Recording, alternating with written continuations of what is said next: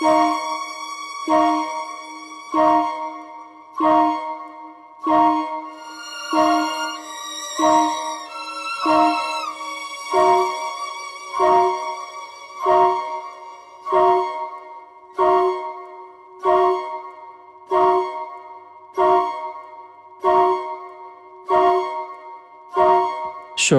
מסקר את העולם, פודקאסט על קולנוע, תרבות והחיים עצמם.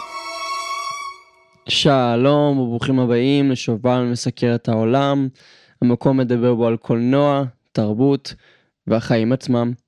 הפעם אדבר על סרט חדש שיצא לאחרונה, שנקרא Poor Things, או בעברית, מסכנים שכאלה. אספר לכם קצת על הסרט עצמו, על הבמאי המיוחד שביים אותו, ויצר אותו, וגם על השחקנים עצמם. אז בואו נתחיל.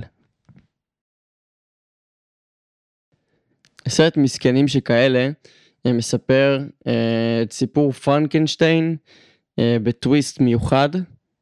בלה בקסטר שהיא אמה סטון היא בעצם מישהי שנולדה מחדש סוג של על ידי דוקטור גודווין בקסטר שמשחק אותו ווילם דפו המדהים. אה, וזה סרט מאוד מאוד מוזר ומעניין שהופך כל ציפייה של הצופה על פניה אה, וגורם אה, לנו הצופים לתחושת אי נעימות קבועה. במהלך הסרט אנחנו ניתקל בהרבה מאוד מקרים שבהם בלה מתפתחת כדמות ומפתחת את המודעות שלה אנחנו נבין למה היא מתנהגת כמו שהיא מתנהגת, כי היא מתנהגת בצורה מאוד מסוימת בסרט. אה, ואנחנו גם נבין אה, מה ההשלכות של ההתנהגות שלה ומה ההשלכות של מה שקרה לה אה, לשאר הדמויות בסרט, וכמובן יש מסר נוקב על החברה שלנו ועל נשים וגברים מתוך הסרט הזה. הבמאי של הסרט נקרא יורגוס לנטימוס. במאי מאוד מאוד מיוחד שביים סרטים כמו למשל uh, The Lobster ו-The Favorite, uh, ש-The Favorite המועדפת זה סרט שאמה סטון גם שיחקה בו והוא היה האוסקר הראשון שלה. ככה שבעצם כשאנחנו לוקחים את כל האלמנטים האלה של סרט מאוד ביזארי מצד אחד ומצד שני זה האוסקר הראשון של אמה סטון אז מדובר פה בשילוב מאוד מאוד מעניין. אה, אני הלכתי לסרט הזה ב... באפס ידע. לא היה לי מושג על מה הסרט הזה, לא היה לי מושג לאן אה, מועדות פניי. אה, והאמת היא שאני מתגעגע לתחושה הזאת של ללכת לסרט ולא לדעת למה לצפות. וזה בדיוק מה שקרה לי פה. הגעתי לסרט כשאני יודע ממש ממש מעט, אולי רק את האלמנט הזה של סוג של טוויסט לסיפור של פרנקנשטיין. שמי שמכיר כמובן זה סיפור מוכר, אה, סיפור אולי הכי מפורסם על מדען שמקים לתחייה אה, יצור אנושי שהוא כבר לא אנושי והיצור הזה מתנהג לפעמים כמו ילד ולפעמים כמו אדם מבוגר ולפעמים כמו מפלצת אה, ודברים מוזרים תמיד קורים מסביב. אז הגעתי לסרט הזה עם ציפיות מאוד מאוד נמוכות.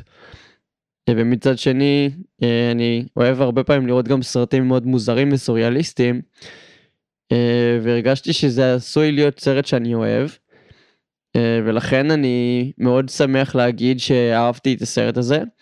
הלכתי עם קבוצת חברים לקולנוע גם חברים שאוהבים קולנוע שמעריכים מאוד קולנוע איכותי אז תמיד נחמד להיות בסביבת חברים כאלה בסרטים כאלה. ואני יכול להגיד שהסרט הזה אה, הוא סרט מאוד מיוחד שאני מבין לחלוטין למה, למה הוא מועמד לאוסקר בכל כך הרבה קטגוריות. אה, אני אפרק אותו עכשיו לחלקים ונתחיל לדבר על הדברים המעניינים באמת. אז בואו נתחיל לפרק את uh, Poor.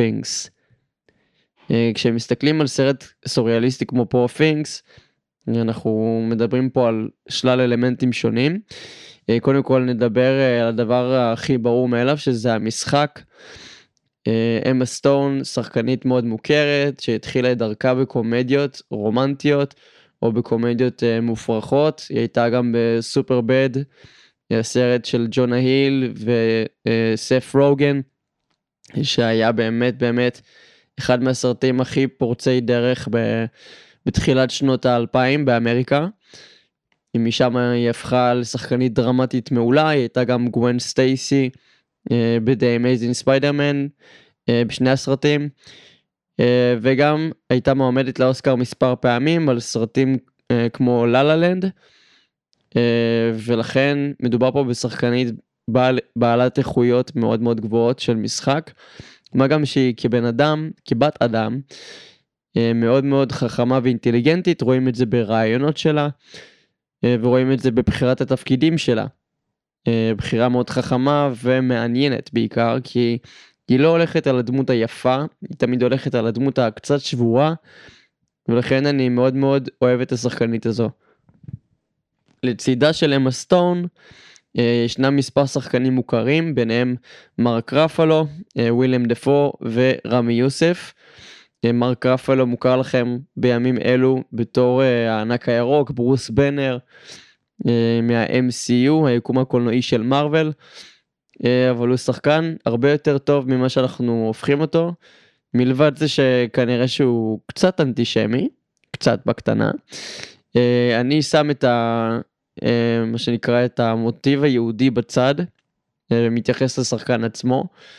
מדובר בשחקן מוצלח מאוד, שלמשל אחת ההופעות שלו שאהבתי זה ב-Now You See Me, שזה גם סרט מאוד מעולה, שזה סרט על קוסמים אשליות וכל מיני דברים מאוד מגניבים. ששם הוא שיחק סוג של דמות כפולה.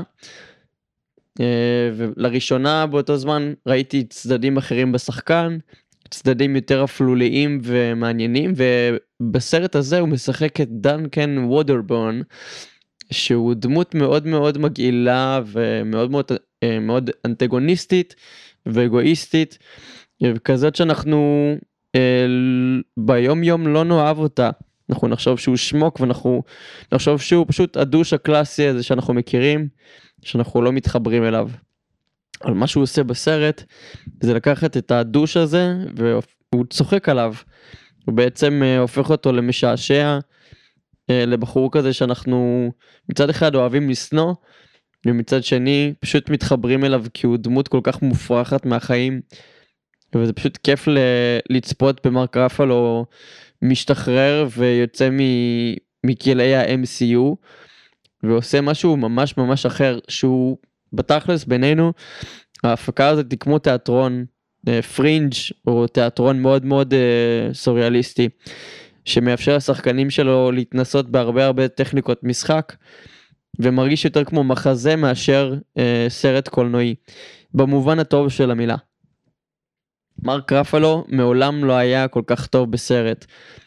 הוא שווה את כל הצופים בקסמיו, הוא מאוד מאוד משעשע, הוא הדמות הכי מצחיקה בסרט הזה, בהתחייבות. אה, ויש סצנה אחת של ריקוד שאני לא אגלה מה היא ומה קורה בה, שהוא פשוט שווה את כולנו, שוב, בקסמיו, מכיוון שהוא פשוט שחקן מוצלח. ובן אדם מאוד מצחיק אה, מעבר לסרטים ולתעשייה הזו.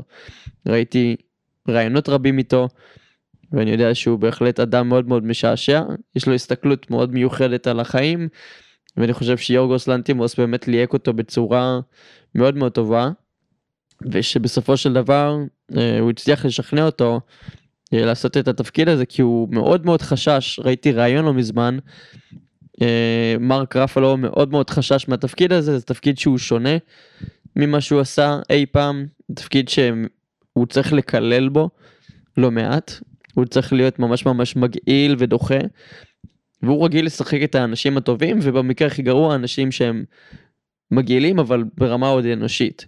פה הוא משחק דמות שהיא מאוד מאוד, הקהל מבין שזה סוג של פרודיה.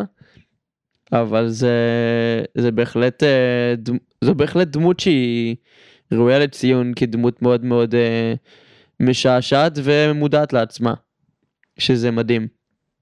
אה, בכללי אני מאוד מאוד אוהב לראות ראיונות של סרטים, ראיונות של שחקנים ובמאים. יורגוס לנטימוס הוא במאי שלא צפיתי בשום סרט שלו אז באמת באמת שלא היה לי מושג למה לצפות. כלומר ראיתי את uh, המגדלור של רוברט איגרס לפני כמה שנים וזה היה אחת החוויות הכי מטורפות בחיים שלי בקולנוע ראיתי בעצם את הסרט עם חבר במסך מרובע uh, כמו בסרטים של צ'רלי צ'פלין בפעם כאילו שנות ה-20 כי הסרט צולם במרובע ובשחור לבן. וזו חוויה מטורפת ואני ממליץ לכם לראות את הסרט המגדלור של רוברט איגרס אה, שגם הוציא את אה, The Northman לא מזמן שגם את זה אני מעוניין לראות.